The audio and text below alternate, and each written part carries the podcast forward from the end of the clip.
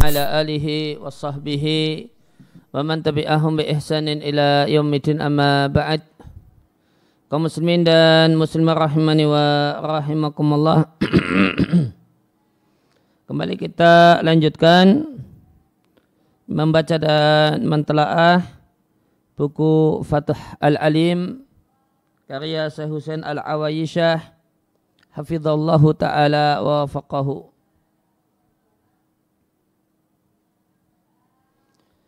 Kita masih di uh, bacaan Al-Istiftah. Kita sampai pada pembahasan bacaan yang keenam. Um, Allahumma lakal hamdu. Ya Allah untuk segala puji. Anta nur samawati wal ard. Engkau adalah cahaya langit dan bumi dan semua makhluk yang ada padanya. Walakal hamdu anta qayu samawati wal ard wa fihinna. Untuk segala puji engkaulah zat yang mengurusi langit dan bumi dan semua makhluk yang ada padanya. Walakal hamdu anta malikus samawati wal ard wa fihinna. Dan untuk segala puji engkau adalah ya, Raja langit dan bumi dan semua makhluk yang ada pada dirinya. Walakal hamdu antal haq. Engkau adalah al-haq sesembahan yang berat untuk disembah. Janjimu adalah benar adanya wa qauluka haq. Ucapanmu adalah ucapan yang benar perjumpaan denganmu satu hal yang benar. Surga adalah satu hal yang benar adanya neraka adalah satu hal yang benar adanya kiamat adalah satu hal yang benar akan terjadi. Para nabi adalah benar adanya Muhammad adalah orang yang benar. Nabi Muhammad adalah benar adanya Allahumma ya Allah laka aslam tu hanya kepadamu aku pasrah. Wa alaika tawakkaltu. Aku bertawakal. Wa bika amantu dan aku beriman kepadamu. Aku kembali kepadamu. Wa bika khasamtu. Aku bertengkar ya, berdebat bika dengan bantuanmu dan dengan wa ilaika hakamtu Hanya kepadamu aku minta diberi putusan hukum. Antara puna wa ilaikal masir. Engkau adalah Rabb kami wa ilaikal masir dan hanya kepadamu tempat kembali. Fafir lima qaddam wa ma akhartu. Ampunilah apa yang dulu dan apa yang belakangan wa ma asrartu wa a'lantu dan apa yang aku lakukan sembunyi-sembunyi dan yang aku lakukan terang-terangan. Wa ma anta a'lamu bihi minni dan semua yang engkau lebih tahu tentangnya dibandingkan diriku. Antal muqaddimu antal muakhiru. Engkau lah yang mendahulukan dan mengakhirkan anta ilahi. Engkau adalah sesembahanku. La ilaha illa anta. Wala hawla wala quwata illa bik. Di sini diriatkan oleh Al-Bukhari dan Muslim.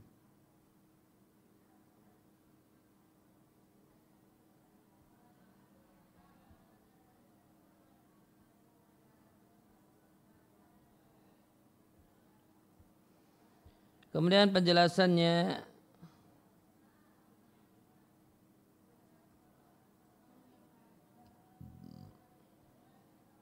ada di halaman 20 uh, 28 Allahumma lakal hamdu anta nur samawati wal ard. Artinya munawiruhuma zat yang membuat langit dan bumi bercahaya dan zat yang memberikan petunjuk kepada penduduk langit dan bumi. Ibnu Qayyim rahimallahu taala di sebagaimana di buku At-Tafsir Al-Qayyim mengatakan eh, dan Allah nur samawati wal ard itu ditafsirkan dengan Allah adalah yang memberi cahaya langit dan bumi dan memberi petunjuk untuk penduduk langit dan bumi. Maka dengan cahaya Allah maka penduduk langit dan bumi mendapatkan petunjuk.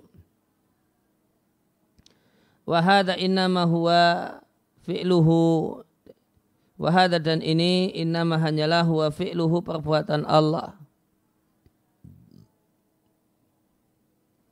Wa illa uh, maka nur samawati itu berkenaan dengan perbuatan Allah sehingga dimaknai dengan dua makna yang memberi cahaya dan yang memberi petunjuk. Karena di halaman 29 karena cahaya yang merupakan sifat Allah itu imun bi ada pada zat Allah.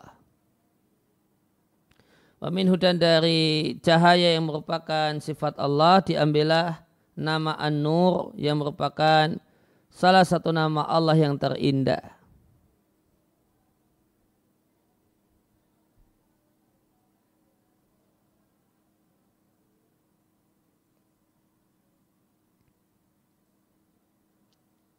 sepertinya menarik jika kita lengkapi dengan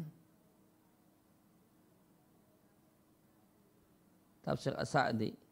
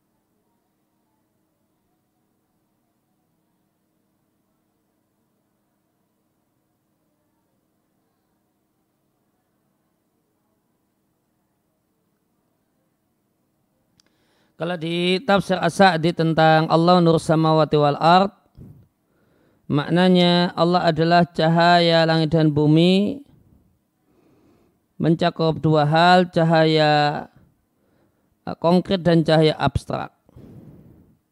Wadhalika dan hal tersebut karena Allah Ta'ala zatnya adalah cahaya. Kemudian tabir yang menutupi wajahnya adalah cahaya. Yang tabir wajah Allah itu seandainya bukan karena kasih sayang Allah, niscaya cahaya wajahnya akan membakar seluruhnya. Wabidan dengan Allah maka bercahayalah ars, kursi, lah, matahari, rembulan.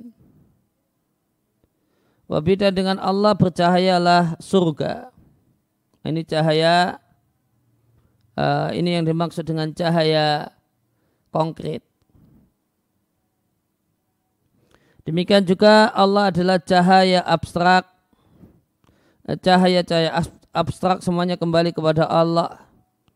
Kitab suci yang Allah turunkan adalah cahaya, syariat Allah adalah cahaya, iman dan iman dan pengetahuan di hati para rasul dan hamba-hambanya yang beriman itu cahaya.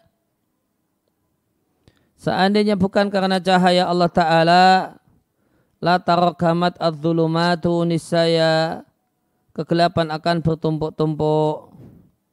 Walihada oleh karena itu setiap tempat yang di sana tidak ada cahaya Allah, maka fathama maka di sana yang ada adalah kegelapan. Maka Allah adalah cahaya langit dan bumi, baik cahaya dalam makna konkret dan cahaya dalam makna abstrak. Kemudian kembali ke buku. Anta sama samawati wal art dalam berat yang lain anta qayyamus samawati wal art dan dalam Al-Quran uh, nama Allah adalah Al-Hayyu Al-Qayyum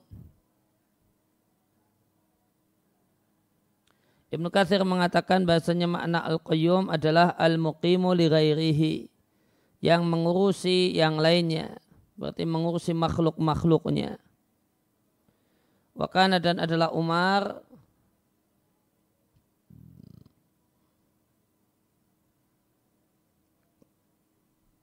membacanya bukan qayyum namun qayyam maka semua makhluk yang ada membutuhkan Allah dan Allah tidak membutuhkan mereka semua dan tidak ada tegak dan beres bagi makhluk tanpa Allah Subhanahu wa taala. Wa min ayati antaku antakum as-sama'u wal ardu bi amri. Dan di antara tanda kekuasaan Allah adalah tegaknya langit dan bumi dengan amrihi dengan perintahnya. Di sini dikatakan antakumu cetakannya padahal ada an. Coba kita cek Arom 25.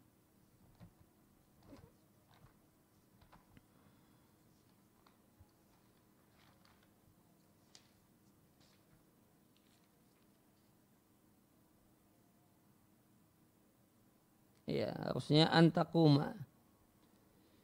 Antakuma sama sama wal ardu bi amri.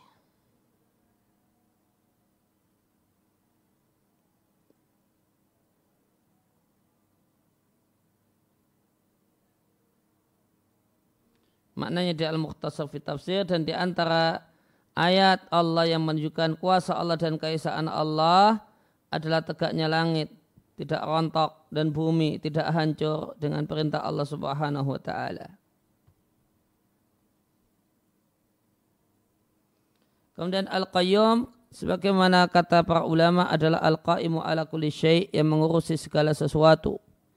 Wal maknahu dan makna Al-Qaimu ala adalah mudabbiru amri khalqihi, mengatur urusan makhluknya. Ya Allah hanya kepadamu aku pasrah, ai istaslam tu aku pasrah dan aku patuh kepada perintah dan laranganmu.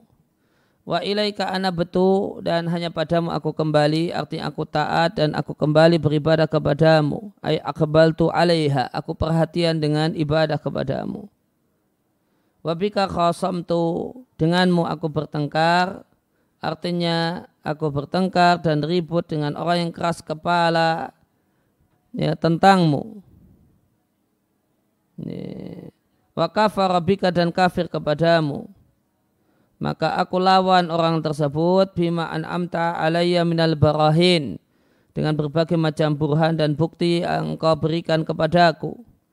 Ku hancurkan orang tersebut dengan hujah. Dan mengubah kemungkaran itu sesuai dengan kemampuan, bisa dengan tangan, bisa dengan lisan, dan bisa dengan hati halaman 30. Wa ilaika hakamtu dan hanya kepadamu aku minta untuk diberi putusan hukum. Artinya putusan hukum kepada putusan hukum tentang kulaman semua orang yang mengingkari kebenaran dan keras kepala untuk menerima kebenaran dan sombong untuk menerima kebenaran. Semuanya hakam tuhu ilaik. Aku minta supaya engkau memberikan keputusan untuknya. Aku jadikan dirimu ya Allah hakim antara aku dengan dia. Bukan selainmu. Yaitu mimakanatu hakimu ilaihi al-jahiliyatu wa ghairuhum. Yaitu pihak-pihak yang menjadi tempat penetapan hukum oleh orang jahiliyah dan yang lainnya. Berupa patung, dukun, cahaya api, setan dan yang lainnya. Aku tidak larilah kecuali dengan hukummu dan aku tidak bersandar kepada hukum yang lain. Ya Allah ampunilah bagiku maqaddam tu. Apa yang telah aku kan sebelum waktu ini wa ma'akhartu dan apa yang aku tunda anhu setelah waktu ini. Wa ma'asrartu wa ma'a'lantu artinya apa yang aku samarkan dan apa yang aku nampakkan secara, secara terang-terangan. Atau mahadastu nafsi apa yang aku obrolkan dengan pada diriku dan apa yang digerak-gerakkan oleh lisanku dan lidahku. Antal muqaddim antal muakhir wala uh, wa anta ala kulli syai'in qadir. Kata sebagian ulama muqaddim artinya mendahulukan siapa saja yang kau kehendaki menuju surga dengan diberi taufik dan kemudahan untuk melakukan amal saleh. Dan muakhir yang mengakhirkan siapa saja yang kau inginkan menuju neraka dengan tidak diberi kemudahan dalam beramal saleh.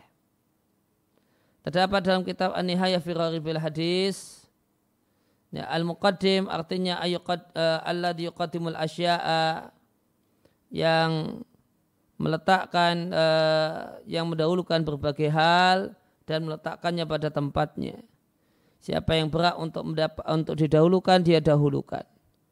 Sedangkan al-muakhir alaman 31 dialah yang mengakhirkan segala sesuatu dan meletakkan pada tempatnya.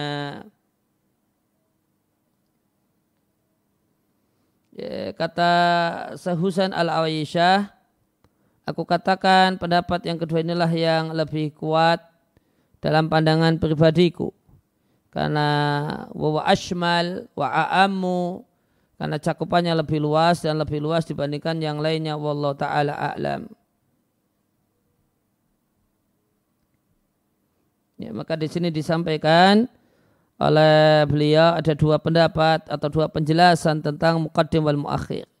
Pendapat yang pertama ini khusus tentang surga dan neraka. Yang mendahulukan orang ke surga dan yang mengakhirkan orang berarti ke neraka. Sedangkan uh, versi yang kedua ya, yang terdapat di An-Nihayah fi Gharibil Hadis Muqaddim itu ya tidak hanya masalah surga dan neraka namun yang mendahulukan segala sesuatu. Maka meletakkan uh, segala sesuatu pada tempatnya yaitu berada di depan. Siapa yang berhak untuk didepankan dan didahulukan, dia depankan dan dia dahulukan. Demikian juga muakhir. Ya, maka siapa yang berhak untuk mendapatkan derajat yang di depan, ya, maka dialah yang ya, memberikan kemudahan untuk itu.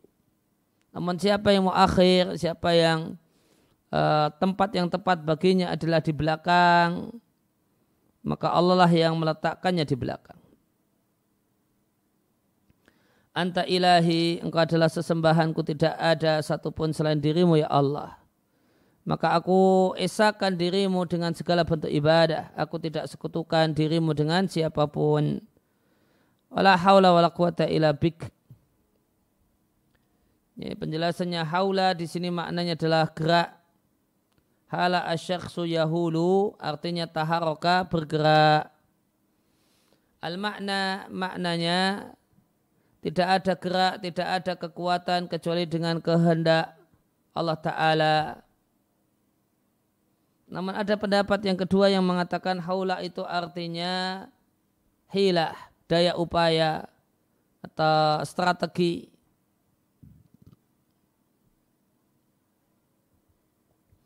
Wal awalu ashbahu dan pendapat yang pertama itu yang lebih dekat kepada kebenaran. Sekian kutipan dari An-Nihayah fi Hadis. Disampaikan di sini haula punya dua uh, ada dua pendapat, ada yang mengatakan haula itu ya gerak. Sedangkan ada yang mem memaknai dengan haula adalah hilah, trik dan strategi. Dari saat Ibn Ubadah radhiallahu anhu sesungguhnya ayahnya Ubadah menyerahkannya kepada Nabi Sallallahu Alaihi Wasallam untuk melayani Nabi. Maka Nabi Sallallahu Alaihi Wasallam melewatiku. Waktu sholat itu aku sudah sholat. Maka Nabi uh, dorobani birijalihi memukulku dengan kakinya dan mengatakan maukah aku tunjukkan padamu salah satu pintu surga maka Nabi kemudian katakan pintu surga adalah ucapan la haula wala quwata illa billah. Diat Imam Ahmad dan yang lain. Dari Abu Musa al-Asy'ari radhiallahu anhu Rasulullah sallallahu alaihi wasallam bersabda, "Maukah aku tunjukkan kepadamu satu kalimat yang merupakan simpanan surga?" halaman 32, aku katakan aku mau. Maka Nabi katakan la haula wala quwata illa billah. Dan berat yang lain, maukah aku ajarkan kepadamu atau maka aku tunjukkan padamu satu kalimat mintah til arsy yang terletak di bawah arsh yang merupakan bagian dari simpanan surga yaitu engkau katakan engkau ucapkan la haula wala quwata illa billah. Fayaqulullah maka Allah mengatakan aslama abdi wastaslama hambaku pasrah dan menyerahkan diri. Dan terdapat di sebagian nas, di sebagian dalil bahasanya la haula wala quwata illa billah adalah tanaman surga. Dari Ibnu Umar radhiallahu anhuma Rasulullah sallallahu alaihi wasallam bersabda, "Perbanyaklah tanaman di surga." Karena surga itu segar airnya dan wangi tanahnya, e, maka perbanyaklah tanaman surga. Sahabat bertanya kepada Rasulullah, apa itu tanaman surga? Nabi mengatakan ucapan Masya Allah wala hawla wala quwata illa billahi. Diriatkan oleh At-Tabarani.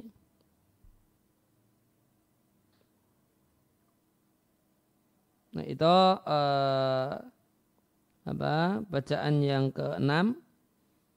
Kita masuk bacaan selanjutnya. Kita kembali dulu ke depan.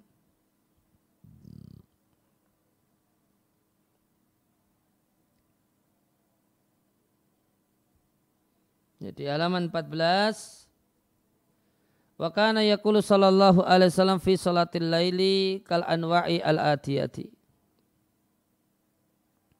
Dan adalah Rasulullah sallallahu alaihi wasallam mengucapkan atau membaca doa istiftah di salat malam dengan sejumlah bentuk bacaan sebagai berikut. Namun sebelumnya ada catatan kaki. Al-Albani mengatakan di catatan kaki sifat salat Nabi dan ini tidaklah meniadakan disyariatkannya membaca bacaan-bacaan ini di salat fardu juga sebagaimana layak fa satu hal yang tidak samar. Ila akan tetapi imam hendaknya tidak mem, uh, tidak berlama-lama uh, tidak melamakan para makmum. Ya, jangan memilih bacaan yang lama. Itu yang disarankan bagi imam. Kecuali jika ya, imam yakin semua jamaahnya tidak mempermasalahkan berlama-lama. Al-Albani mengatakan di Tamamul Minnah Fimis lihada dalam semisal ini berlaku kaidah Ida kana dzalika masru'an fil faridati jika itu disyariatkan saat salat fardu maka dalam salat sunnah mimba bil aula lebih utama. Kama la yakhfa ulin nuha sebagaimana tidaklah samar itu jelas dan gamblang bagi orang-orang yang memiliki akal pikiran Ya kita baca tiga doa sekaligus yaitu Allahumma rabba Jibril wa Mikail wa Israfil. Allahumma ya Allah wahai Rabbnya wahai Tuhannya Jibril, Mikail dan Israfil pencipta langit dan bumi zat yang mengetahui hal yang gaib dan yang nampak Engkau lah yang menetapkan putusan hukum di antara hamba-hambamu dalam perkara yang mereka perselisihkan. Berilah petunjuk padaku dalam hal yang diperselisihkan minal haqi dari kebenaran biidnika dengan izinmu. Inna kata di tasya'u ila suratim mustaqim. Yang kau berikan petunjuk kepada siapa saja yang kau kehendaki menuju jalan yang lurus. Kemudian bacaan yang kedelapan e, bertakbir sepuluh kali, tahmid sepuluh kali, tasbih sepuluh kali, tahlil sepuluh kali, istighfar sepuluh kali. Kemudian mengucapkan Allah firli wahdini warzuqni. Ya Allah ampunilah aku. Ya Allah berikanlah petunjuk padaku ya Allah berilah aku rizki wa afini dan berilah aku keselamatan dan kesehatan. Ini tiga kali uh, ini sepuluh kali. Kemudian ucapan Allahumma ini a'udzubika minadh dhiqi yaumal hisabi. Ya Allah aku berlindung kepadamu dari kesempitan di hari perhitungan amal. Dan ini juga dibaca sepuluh kali. Dikeluarkan Imam Ahmad dan yang lain Kemudian bacaan yang kesembilan, bacaan istifta yang kesembilan, Allahu Akbar sebanyak tiga kali, Dhul Malakut wal Jabarut wal Kebiriya wal Azamah. Diatkan oleh At-Tayalisi dan Abu Dawud dengan sanad yang sahih.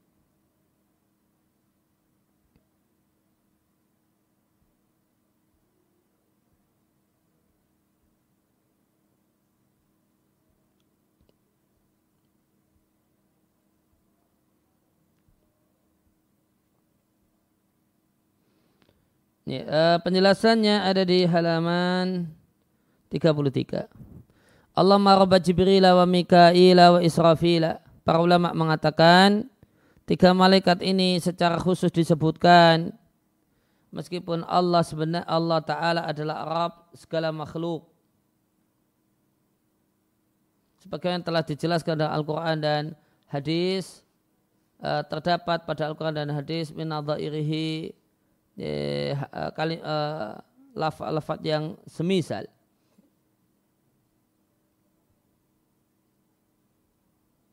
Ayat-ayat yang semisal. Nah ini kenapa disebutkan tiga malaikat ini secara khusus? Minal idafati ila kuli azimil martabati adalah dalam rangka menisbatkan kepada Allah dinisbatkan pada Allah segala yang besar kedudukannya atau ya, agung levelnya dan besar kedudukannya bukan hal-hal yang dianggap remeh dan dianggap kecil. Maka dikatakan untuk Allah Subhanahu wa taala kalau adalah Allah adalah Arab langit dan bumi dan ars yang mulia Rabbnya malaikat dan roh Jibril. Robnya dua uh, dua sisi timur dan dua sisi barat yaitu Masrikain adalah tempat terbitnya matahari di musim dingin dan di musim panas. Sedangkan Maribain dua tempat tenggelamnya matahari di musim dingin dan di musim panas. Itu beda posisinya. Uh, dan Robnya manusia rajanya manusia sesembahnya manusia Rob semesta alam Rob segala sesuatu. Rabnya seluruh para nabi, pencipta langit dan bumi. Fatir samawati wal arti pencipta langit dan bumi dan yang menjadikan para malaikat rusula utusan-utusan. Menjadikan para malaikat sebagai utusan. Maka ini semua dan serupa itu adalah memberikan label kepada Allah Subhanahu wa taala bidala ilal azamati dengan hal-hal yang menunjukkan keagungan Allah dan menunjukkan adhimil kudrati besarnya kekuasaan Allah dan kerajaan Allah. Walau ista'malu dan idofah kepada Allah tidaklah digunakan untuk uh, fima yuhtakaru hal-hal yang dinilai remeh dan kecil. Maka tidaklah kita katakan Allah adalah Rabbul Hasyarat, Rabbnya serangga-serangga, pencipta ya, monyet dan babi dan semacam itu alal ifradi secara tegas demikian. Nah, ini tidak boleh. Kalau mau hasyarat, serangga, babi dan yang lainnya masuk ke dalam satu kalimat berkenaan dengan Allah, maka solusinya adalah mengucapkan ya, dalam bentuk general. Wa nama yuqalu namun diucapkan secara general khaliqul makhluqati yang menciptakan seluruh makhluk wa khaliqu kulli dan pencipta segala sesuatu. Wahina idin dan ketika itu ketika kita katakan Allah pencipta segala sesuatu, pencipta seluruh makhluk, maka tadkhulu hadhihi fil umumi. maka ya, monyet, babi itu semua sudah masuk dalam kalimat yang general ini. ini kalimat general, Rab segala sesuatu ya, pencipta segala sesuatu termasuk di antaranya babi, monyet dan yang lainnya. Sekian kutipan dari Sarah Nawawi. Ya, maka uh, disebutkan Jibril, Mikael dan Israfil karena mereka adalah makhluk-makhluk yang mulia dan yang diidofahkan disandarkan kepada Allah adalah yang mulia-mulia. Ini adabnya. Meskipun kita yakini Allah adalah Rabb semuanya. Robnya ular kobra, ular Robnya kala jengking, Robnya semut dan yang lainnya. Namun di antara bentuk adab kepada Allah yang kita secara tegas kita sandarkan kepada Allah hal-hal yang mulia. Sedangkan hal-hal yang dianggap remeh, kecil itu jika mau disandarkan kepada Allah caranya dengan menggunakan kalimat general semacam uh, apa, pencipta segala sesuatu. Pencipta seluruh makhluk dan kalimat yang lain. Ya, pencipta langit dan di bumi artinya mubdi uhuma pencipta keduanya wa khaliquhuma pencipta keduanya ala ghairi misalin sabiqin tanpa ada contoh sebelumnya. Allah ciptakan langit dan bumi tanpa ada contoh sebelumnya. Allah adalah uh, halaman 34. Allah adalah zat yang mengetahui hal yang gaib dan yang hal yang tersembunyi dan hal yang nampak. Yaitu asiri yang dilakukan sembunyi-sembunyi dan alaniyah yang dilakukan oleh terang-terangan.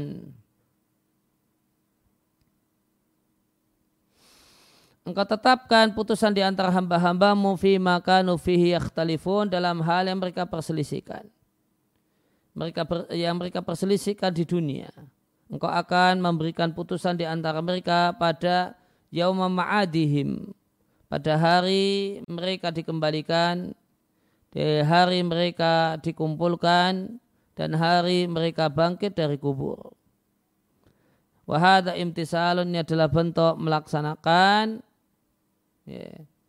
Wahada imtisalun li amrihi subhanahu. Dan adalah melaksanakan perintah Allah subhanahu wa ta'ala.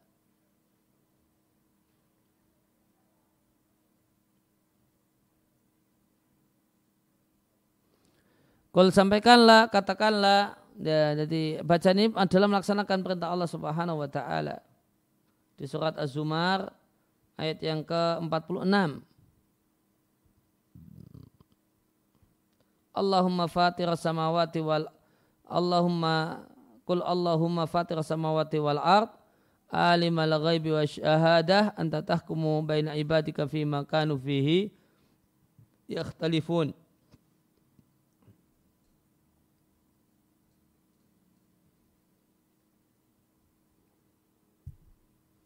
As-Sumar ayat yang ke-43.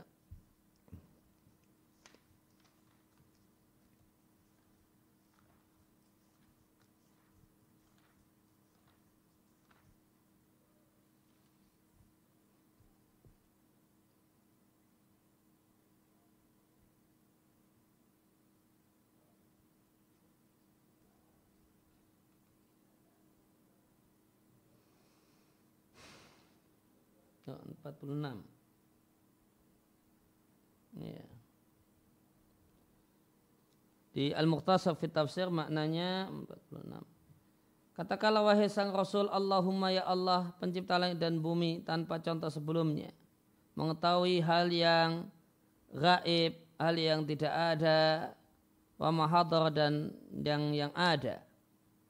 Tidak ada satupun yang samar bagimu ya Allah Ya, engkau sendirilah yang akan berikan putusan di antara hamba-hamba pada hari kiamat dalam perkara yang mereka perselisihkan di dunia. Sehingga tabayana jelaslah siapakah yang berada di pihak yang benar dan siapakah yang berada di pihak yang yang batil. Siapakah yang sa'id berbahagia dan siapakah yang asyaqi yang celaka dan sengsara.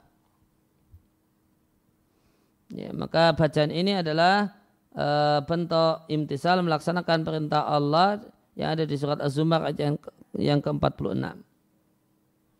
Ihdini berilah petunjuk padaku dalam perkara yang diperselisihkan. Berilah petunjuk minal hakim manakah yang benar dengan izinmu.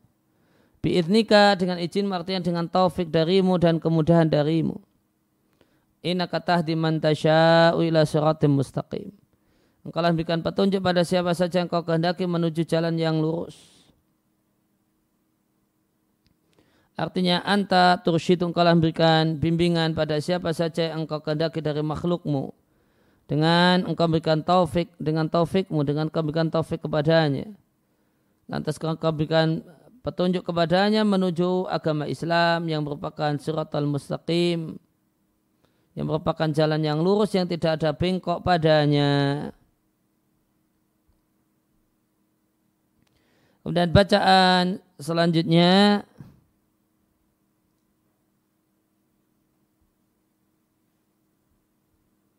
ya, adalah bertakbir 10 kali, tahmid 10 kali, tasbih 10 kali, tahlil 10 kali, istighfar 10 kali dan mengucapkan Allah marfirli wahdini warzuqni wa'afini 10 kali dan mengucapkan Allahumma ini a'udzubika minad daiqi yaman hisabi 10 kali.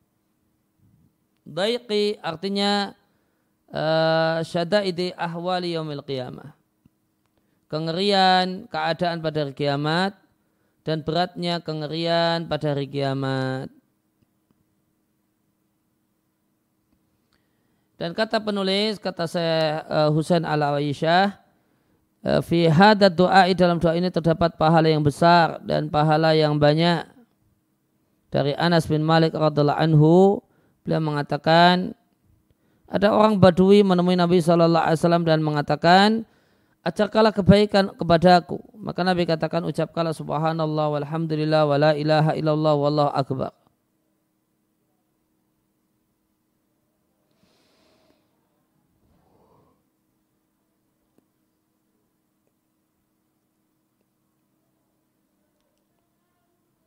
Qal uh, Anas mengatakan dan Nabi uh, menghitung dengan tangannya empat bacaan. Subhanallah, Alhamdulillah, La ilaha illallah, Allah Akbar.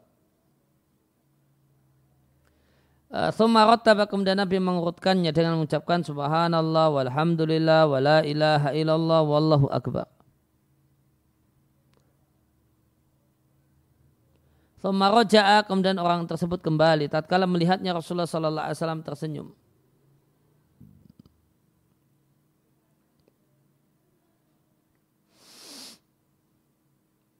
Dan Nabi mengatakan tafakkarul ba'isu. Orang yang susah dan menderita itu berpikir. Ya, kemudian orang itu kembali datang dan mengatakan, Wahai Rasulullah, subhanallah walhamdulillah wa la ilaha illallah wa akbar. Bacaan-bacaan ini seluruhnya untuk Allah. Lantas apa yang untukku? Maka Rasulullah Shallallahu Alaihi Wasallam mengatakan jika engkau mengucapkan Subhanallah, Allah merespon engkau benar dan jika engkau mengucapkan Alhamdulillah, maka Allah respon engkau benar. Halaman 36. Jika engkau mengucapkan La ilaha illallah, maka Allah merespon engkau benar. Jika engkau mengucapkan Allahu Akbar, Allah merespon engkau benar.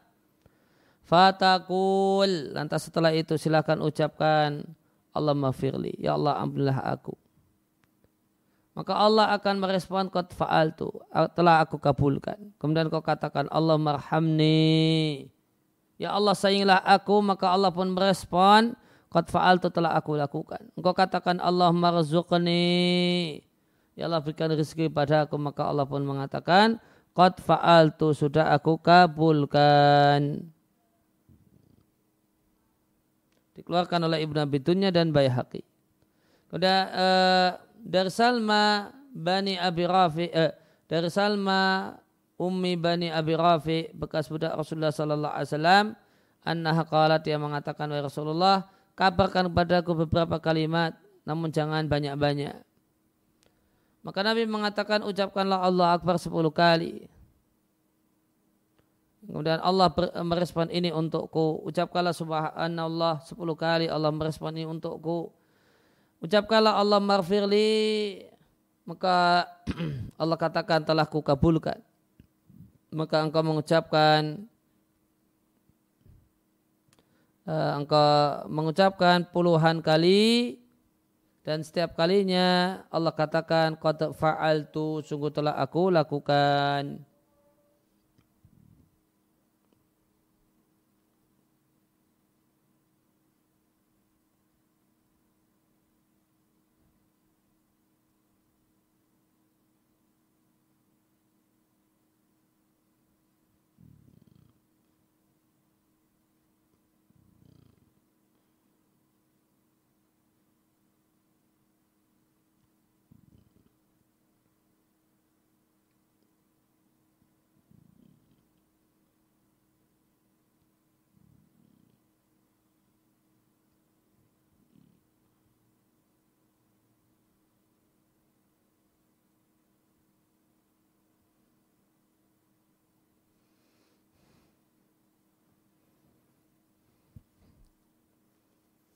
Nah, kemudian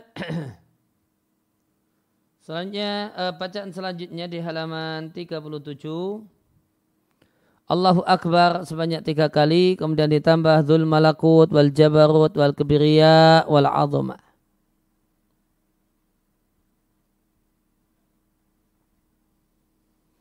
Dul malakut wal jabarut ini adalah dua isim yang mabni diambil kata-kata jabar dan mulk. Demikian penjelasan Ibnu Athir. Uh, Al-Albani mengatakan menukil dari sebagian ulama rahimullahul jami'a uh, jabar dan malakut adalah bentuk hiperbol dari jabar yang maknanya adalah al-qahar menundukkan dan al-mulk artinya yang mengatur. Sehingga makna Dhul Malakut wal Jaburut dia adalah pemilik sahibul qahar. Yang memiliki untuk yeah, mengalahkan. Watasarruf dan yang mengatur-ngatur. Ya, yang ya, ya. al-baliri yang luar biasa. Kulun min huma uh, al-balir kulun min huma atau uh, berarti saya ulangi.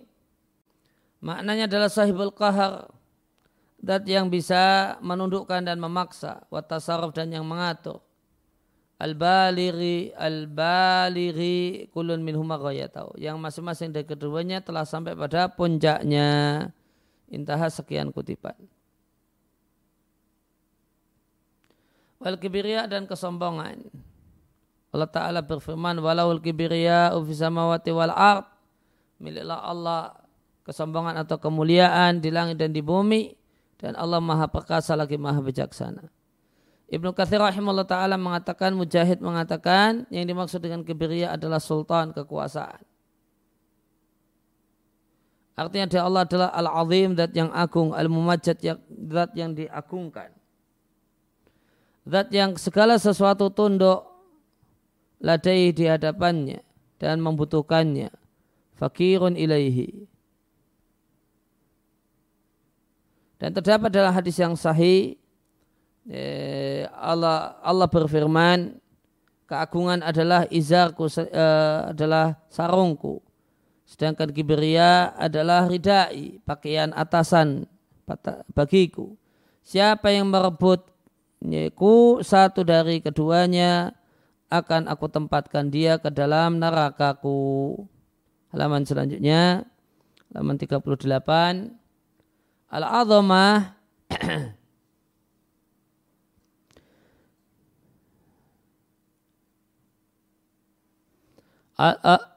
Azamah diambil kata-kata azim. Azim artinya kulul ladhi dia adalah alladhi yang syai'in dunau, segala sesuatu di bawahnya. Sehingga tidak ada yang lebih agung dibandingkan dia. Wa madin dan keagungan Allah ini berlaku pada zat Allah nama dan sifatnya.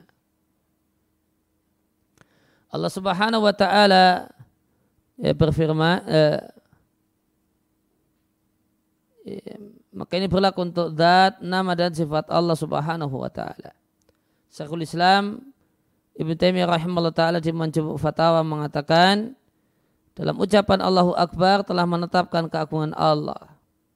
Karena Al-Kibriya, karena Akbar itu mengandung a'zam. Akan tetapi Kibriya atau ucapan Allah Akbar itu lebih sempurna. Dan Kemudian beliau Ibn Taimiyah rahimahullah taala menyebutkan sejumlah keadaan, waktu dan tempat disyariatkan untuk bertakbir. Bahwa maka ucapan Allahu Akbar itu disyariatkan fil mawadi'a al-kibar di sikon-sikon besar di kasratil jam'i karena banyaknya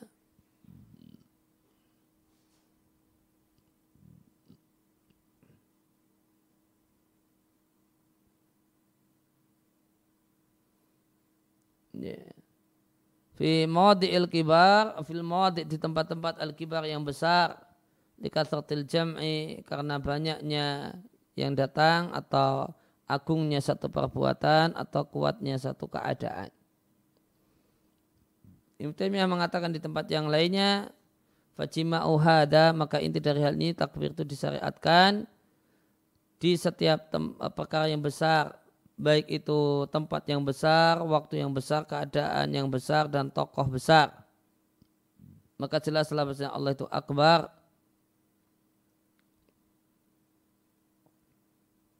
Supaya uh, kekuasaan Allah, kemabesaran Allah itu menguasai hati dibandingkan ala kibiriyai masih wahu. Kemuliaan dan kesombongan selainnya. Wa yakunu syarabu ala kulli syarafin. Allah itu memiliki kemuliaan di atas seluruh uh, dia memiliki asyaraf kemuliaan ala kulli syarafin. Ya, atas segala sesuatu yang mulia.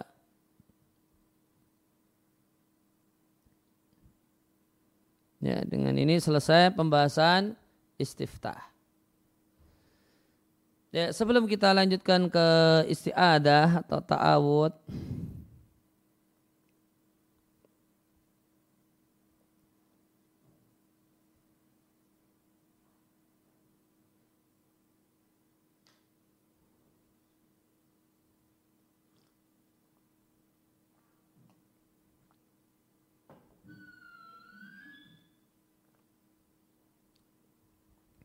Ya, sebelum kita lanjut ke istiadah atau ta'awud, saya ingin kembali ke penjelasan untuk wajah tu wajahiyah.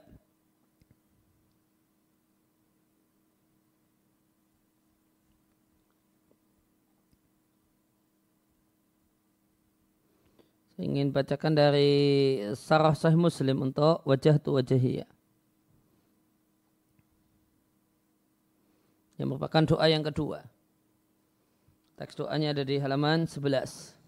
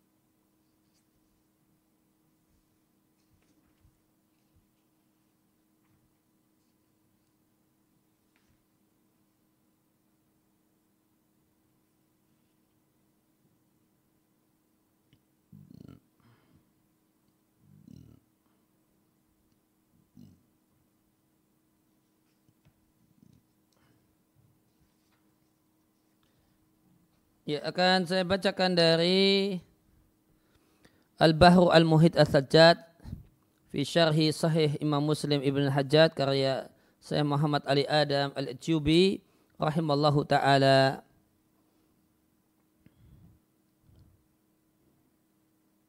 Dari Ali bin Abi Talib dari Rasulullah sallallahu alaihi wasallam annahu kana idza qama ila salati jika Nabi berdiri mengerjakan salat Nabi mengucapkan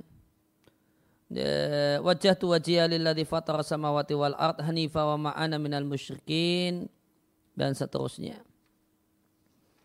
Penjelasannya di sini digunakan redaksi adalah uh, Rasulullah Sallallahu Alaihi Wasallam jika berdiri menuju sholat. Dalam riat setelahnya adalah Rasulullah Sallallahu Alaihi Wasallam jika membuka sholat, yaitu mengawali sholat.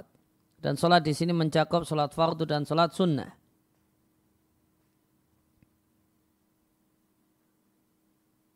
Karena dalam riat Ibnu Hibban ditegaskan jika berdiri untuk mengerjakan sholat wajib. Sedangkan dalam riat Nasai jika berdiri mengerjakan sholat tatawu.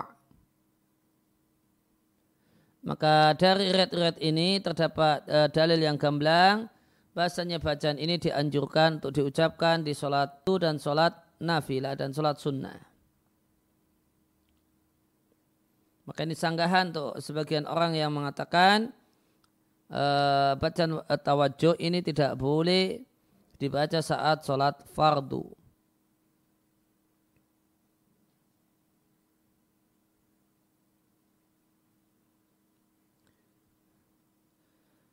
Nah wajah tu wajihya artinya aku hadapkan wajahku dan aku murnikan ibadahku.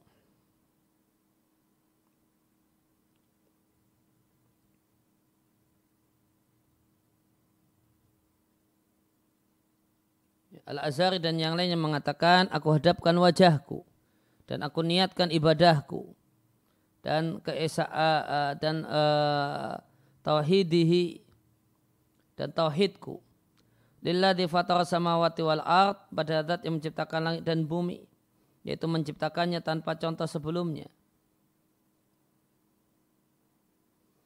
Uh, untuk langit di, digunakan bentuk jamak, namun kalau bumi bentuknya bentuk tunggal. Meskipun bumi juga tujuh sebagaimana langit itu tujuh. Karena kalau untuk bumi Nabi menginginkan jenis bumi. Sedangkan langit dijamakkan di syarafiyah karena mulianya. Sehingga An-Nawawi mengatakan hadis ini menguatkan pendapat yang kuat yang dipegang oleh jumhur ulama bahasanya langit lebih mulia daripada bumi. Pendapat yang lainnya yang selain jumhur mengatakan bumi lebih mulia daripada langit dengan alasan bumi adalah tempat tinggal para nabi dan makam para nabi. Nah, ini adalah pendapat yang lemah. Namun kata saya Muhammad Ali Adam rahimahullah ta'ala membahas tentang mana yang lebih mulia langit atau bumi. Ini min fudulil kalam. Ini omongan yang sia-sia Seandainya ada padanya kebaikan saya telah Allah jelaskan dalam Al-Quran atau dijelaskan oleh Rasulullah Sallallahu Alaihi Wasallam dalam hadis. Maka yang layak bagi seorang Muslim menahan diri dari pembahasan semacam ini. Mana yang lebih afdal, mana yang lebih mulia, langit ataukah bumi. Kemudian jawab saja wallahu a'lam. Serahkan ilmunya kepada Allah, zat yang mengetahui hal yang gaib dan yang nampak.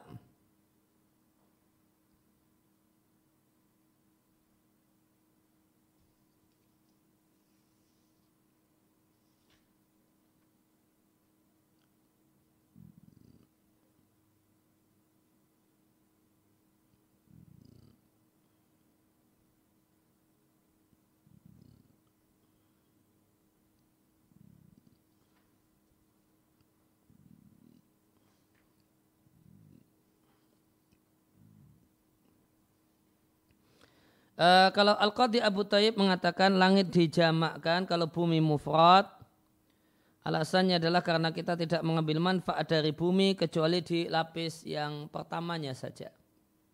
Sehingga mufrad. Lain halnya dengan langit. Hanifan ya dibaca mansub karena menjadi hal sehingga aku hadapkan wajahku dalam keadaan aku hanif.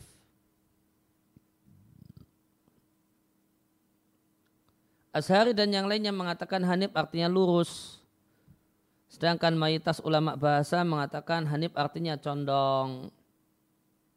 Jadi ternyata ada perselisihan uh, ulama ya, uh, tentang makna hanif itu artinya lurus ataukah condong. Kalau al-azhari maknanya lurus, mustaqim. Sedangkan jumhur mayoritas para pakar bahasa hanif itu artinya condong. Yang dimaksudkan di sini adalah condong respek pada kebenaran.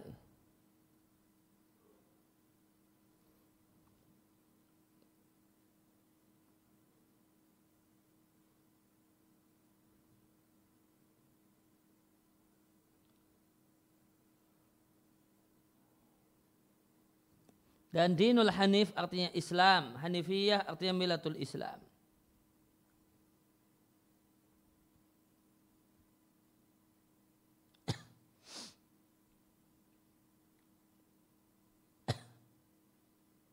Ya. Wa ma'ana minal musyrikin dan aku bukan bagian dari orang musyrik. Ini penjelasan lebih lanjut untuk Hanif dan memperjelas maknanya.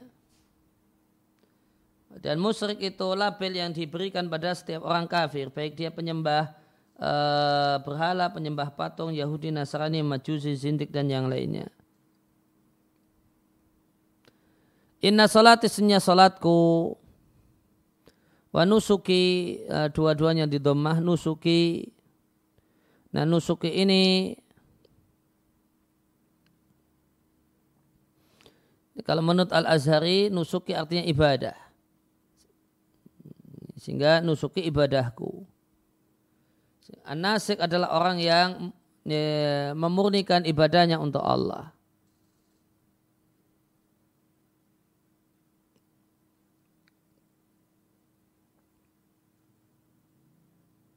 Dan ada yang menjelaskan nusuk adalah ma'amar bisyar apa yang diperintahkan oleh syariat sehingga e, solati disambung dengan nusuki di sini ada yang lebih luas yaitu nusuki dan ada yang lebih sempit yaitu solati.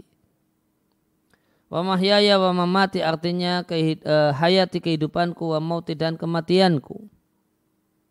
Lillahi milik Allah. Artinya Uh, artinya Allah lah yang menciptakan hidupku dan kematianku.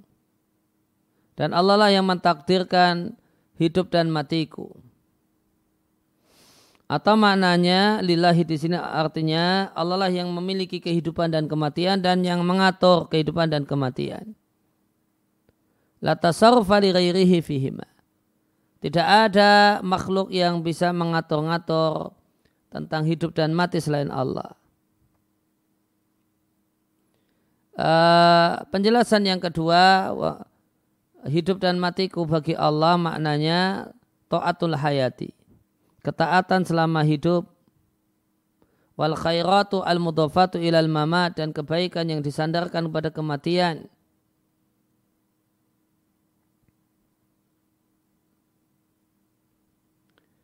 Ya semacam wasiat. Au ma'ana alaihi minal ibadati. Atau maknanya adalah ibadah yang aku lakukan selama aku hidup wa ma'amutu alaihi dan keadaan aku mati semuanya tulus untuk wajah Allah Ta'ala. Jadi ya hidup dan matiku untuk Allah itu ada dua atau ada tiga pendapat penjelasannya. Artinya Allah lah yang memiliki dan mengatur kehidupan dan kematian. Atau maknanya adalah ketaatan selama hidup dan segala kebaikan yang dikaitkan dengan kematian semuanya untuk Allah. Dan yang ketiga ibadah saat hidup dan kondisi saat mati. Itu semua tulus untuk wajah Allah Ta'ala. Rabbil Alamin, Rabb semesta alam.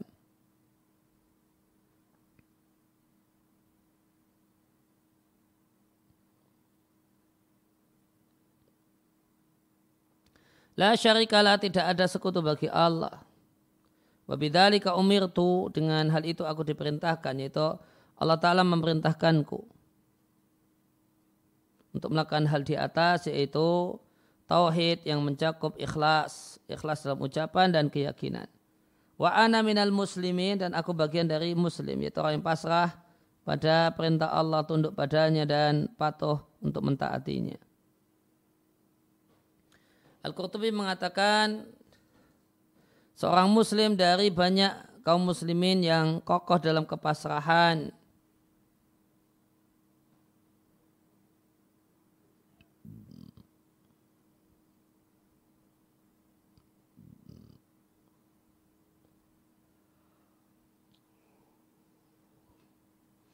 Ya, uh, yang mereka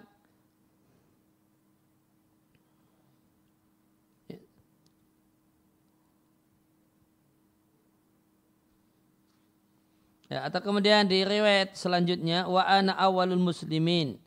Maknanya kata Imam Syafi'i li ana sallallahu alaihi wasallam kana awal muslimi hadil ummah karena Nabi sallallahu alaihi wasallam adalah muslim yang pertama dari umat ini.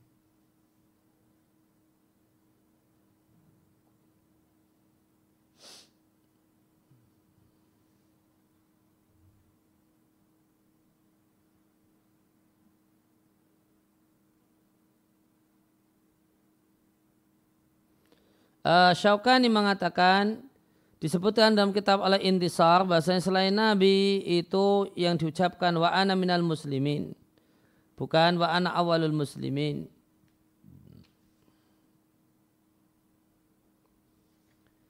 Nah, kata, pendapat di kitab Al-Intisar ini adalah waham salah sangka. Yang akarnya adalah anggapan bahasanya makna wa ana awalul muslimin artinya orang yang persoalan pertama yang bersifat dengan sifat ini setelah dulunya manusia tidak seperti itu. Maka Walaisa kadalik dan tidak demikian.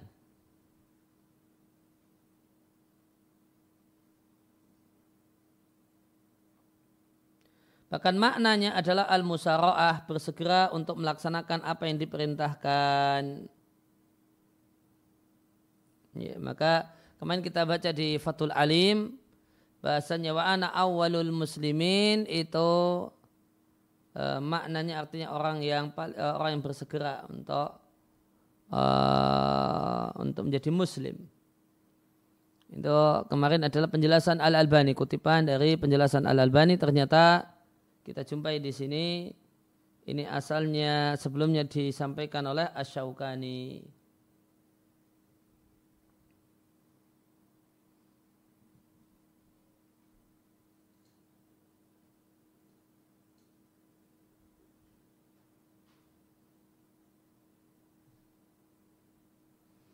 Namun saya Muhammad Ali Adam tidak eh, sepakat dengan Syaukani Beliau mengatakan sanggan saukani tidak jelas. Maka pendapat yang disampaikan di kitab Al-Intisar itulah pendapat yang lebih mendekati kemungkinan makna. Lasyama lebih-lebih lagi valid dari Nabi Shallallahu Alaihi Wasallam Nabi mengatakannya. Bahasanya Nabi sendiri mengatakan wa ana awalul muslimin. Sehingga yang tepat adalah perkataan Al-Imam Syafi'i Ya, artinya Nabi Shallallahu Alaihi Wasallam adalah Muslim pertama dari umat ini.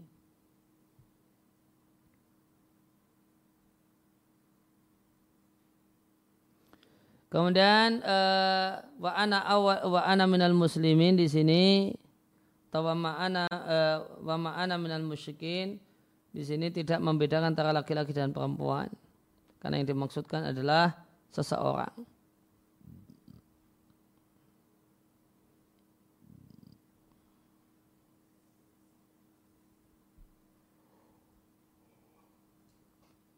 Ya, pembahasan ini bahasanya perkataan Syaukani wa ana awalul muslim artinya yang segera dalam berislam ini dijumpai di Nailul Autar.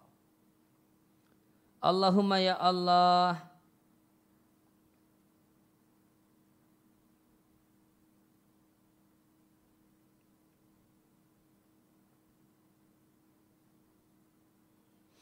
Ya Allahumma maknanya ya Allah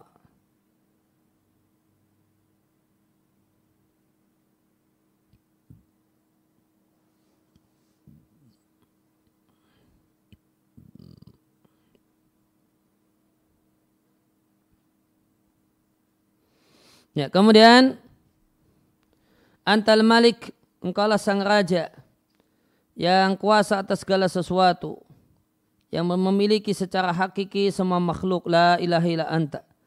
Tiada sesembahan yang berat disembah selain dirimu ya Allah. Anta Rabbi, engkau adalah Rabbku. Engkaulah yang memiliki diriku, engkaulah yang paling mulia. Engkaulah yang mengatur segala urusanku. Wa ana abduk. Aku adalah hambamu. Artinya mu'tarifun mengakui bi'annaka bahasanya engkau adalah pemilikku dan pengaturku. Hukummu berlaku pada diriku. Aku zalim kepada diriku dan aku mengakui dosa-dosaku.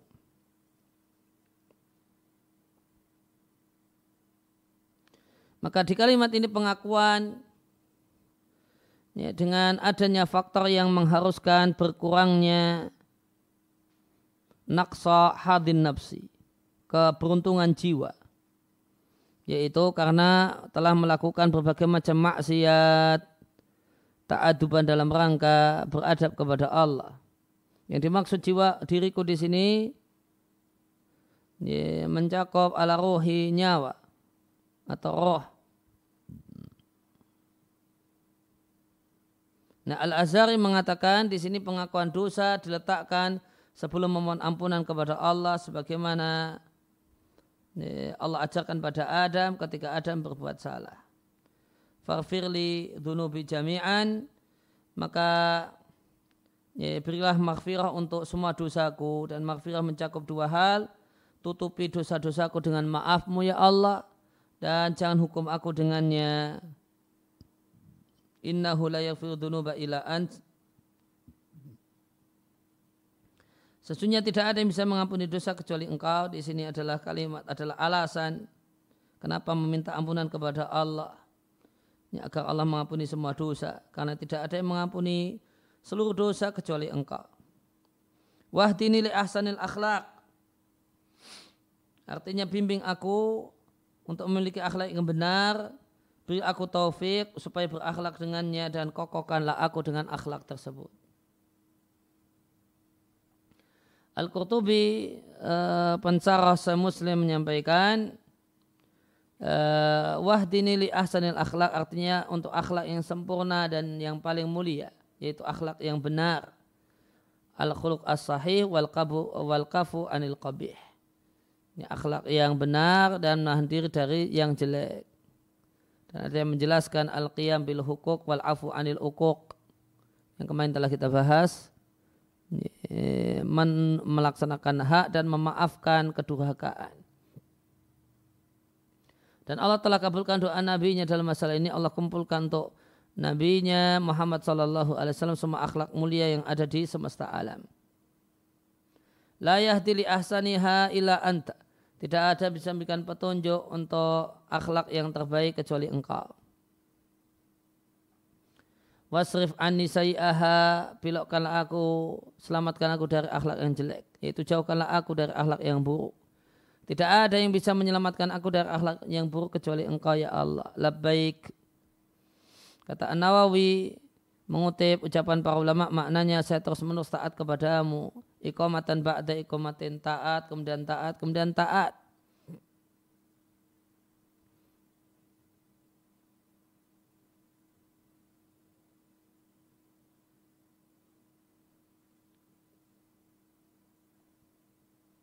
Sa'daik Artinya us'idu amraka wa tabi'uhu is'adan bada is'adin wa mutaba'atan lidinika alladhi irtadaitahu ba'da mutaba'atin. Aku mengikuti setelah uh, mengikuti agamamu yang kau ridhoi ba'da mutaba'atin setelah mengikuti. Artinya terus menerus mengikuti. Sa'daik tidaklah digunakan kecuali labaik karena makna sa'daik adalah taukid untuk labaik.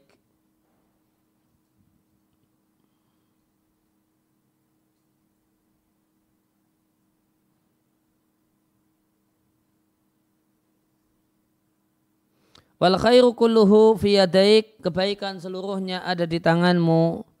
Ini adalah pengakuan bahasanya Bi anakula khairin wasilin ilal ibad. Semua kebaikan yang didapatkan oleh hamba dan yang diharapkan sampai kepada hamba itu ada di tangan Allah Subhanahu wa taala. Uh, dalam riwayat Imam Syafi'i terdapat tambahan wal mahdiyu man hadait. Orang yang mendapatkan hidayah adalah engkau orang yang kau beri uh, petunjuk. Al-Khattabi dan yang lain yang mengatakan di kalimat ini terdapat arahan untuk beradab dalam menyanjung Allah Ta'ala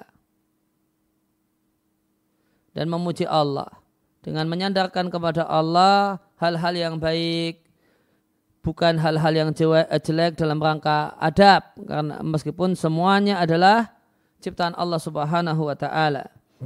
Namun dalam rangka adab maka yang baik-baik saja yang disandarkan kepada Allah Subhanahu wa taala. Kemudian wasyaru laisa ilaik.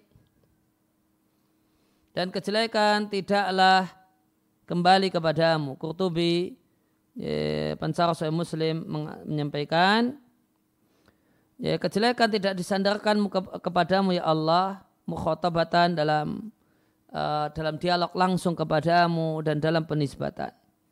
Sebagai bentuk adab kepada bentuk adab kepada Allah meskipun kita yakin dan sadar bahasanya segala kejelekan itu terjadi dengan takdir dan penciptaan Allah Subhanahu wa taala sama dengan segala bentuk kebaikan. Semuanya juga ditakdirkan dan uh, diciptakan oleh Allah.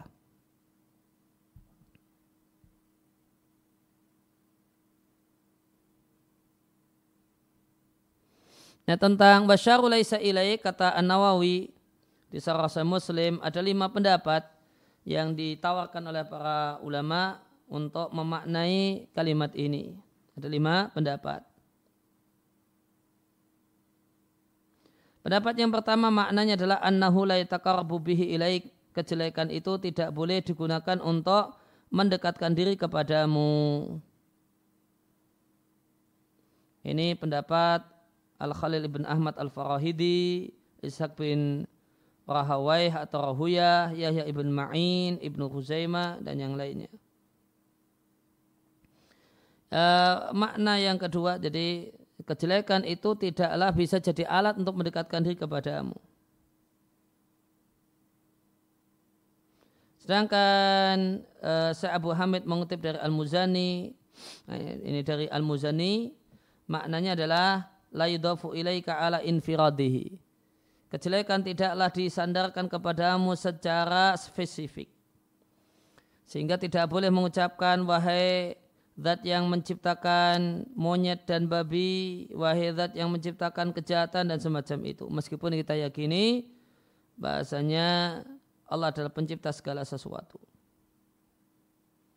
Ya, maka cukup dengan Allah adalah pencipta segala sesuatu termasuk di dalamnya kejelekan. Namun kalau secara khusus tidak boleh. Karena wasyaru laisa ilaik. Kemudian yang ketiga maknanya adalah wasyaru la yas'udu ilaik kejelekan dan kejahatan, amal kejelekan dan kejahatan tidak akan naik dihadapkan kepadamu. Karena yang naik dihadapkan kepada Allah hanyalah perkataan yang baik dan amal yang saleh. Penjelasan yang keempat, ini kalau tidak salah ini penjelasan seperti yang diambil oleh Ibnul Qayyim, maknanya adalah asyaru laisa saran binisbati ilaik. Jelek itu tidaklah jelek jika dihubungkan kepadamu ya Allah. Karena engkau yang menciptakannya dengan hikmah yang luar biasa. Non jelek itu jelek kalau dihubungkan kepada makhluk.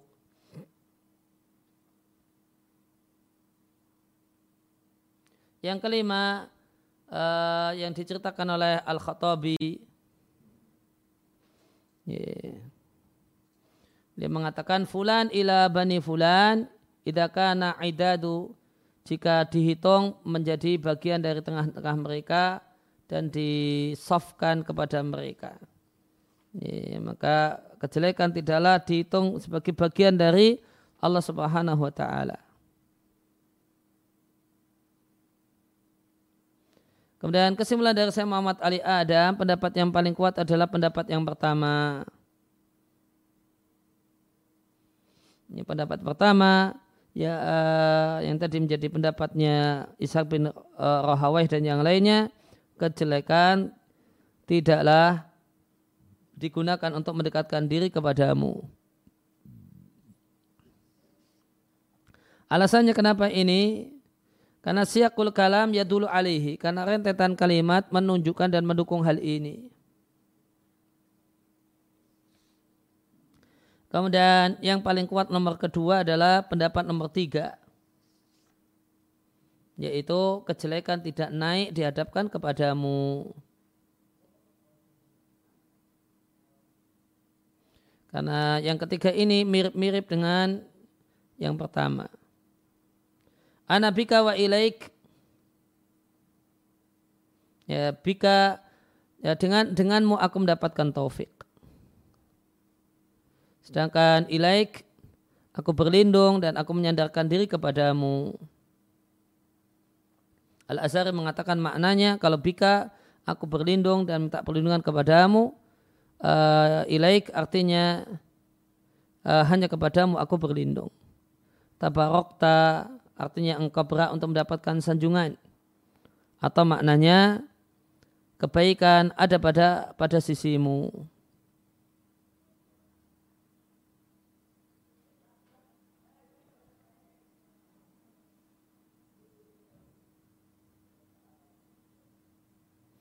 Wa ta'alait artinya tanazah tak engkau suci dari segala sesuatu yang tidak tidak layak pantas bagi keagunganmu. Astaghfiruka, aku mohon ampunan kepadamu.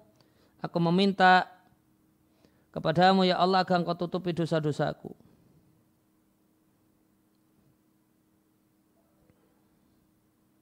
Wa atubu ilaik dan aku kembali kepadamu yaitu aku kembali untuk taat kepadamu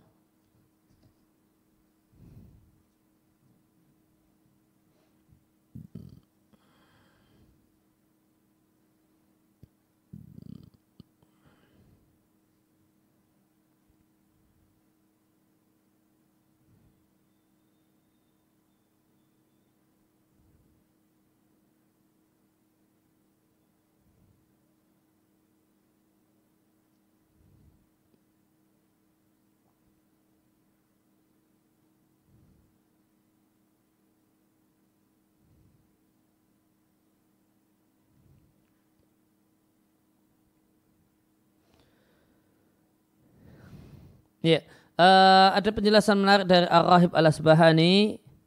Taubat dari kata-kata at-taub artinya meninggalkan kesalahan ala ajmalil wujud dalam bentuk yang paling indah. Wa wa ablaru wujuhil i'tidari. Ya, maka taubat itu adalah bentuk uh, permintaan maaf yang paling bagus. Karena orang itu meminta maaf itu ada tiga model. Model yang pertama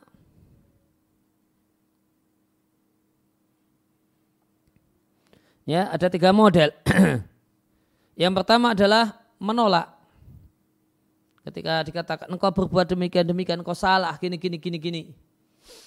Ya, maka sikap orang yang salah uh, model yang pertama ngeles, berkelit.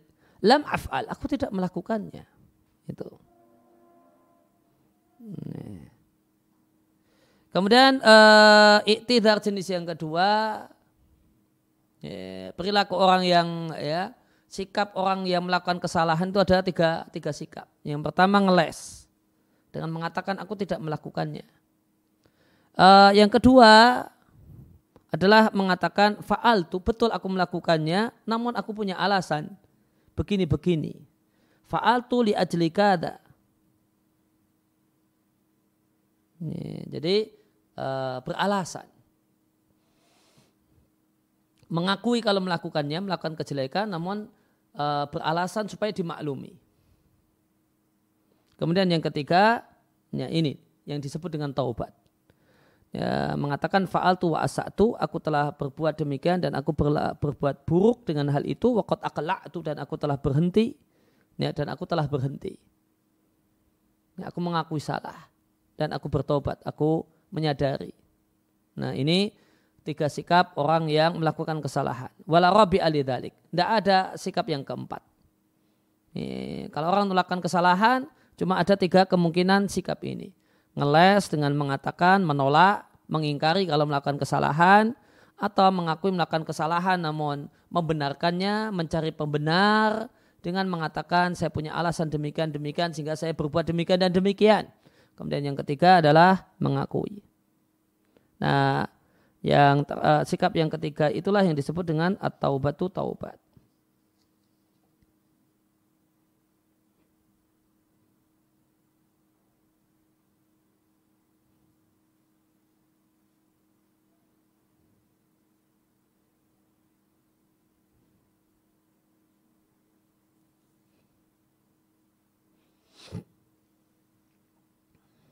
Nah, ini itu uh, yang ingin ya, mudah-mudahan uh, inilah beberapa faedah tambahan yang bisa kita uh, tangkap berkenaan dengan uh, doa tawajuh. Uh, demikian yang kita kaji kesempatan kali ini wasallallahu ala nabiyina Muhammadin wa ala alihi wasallam. Ya.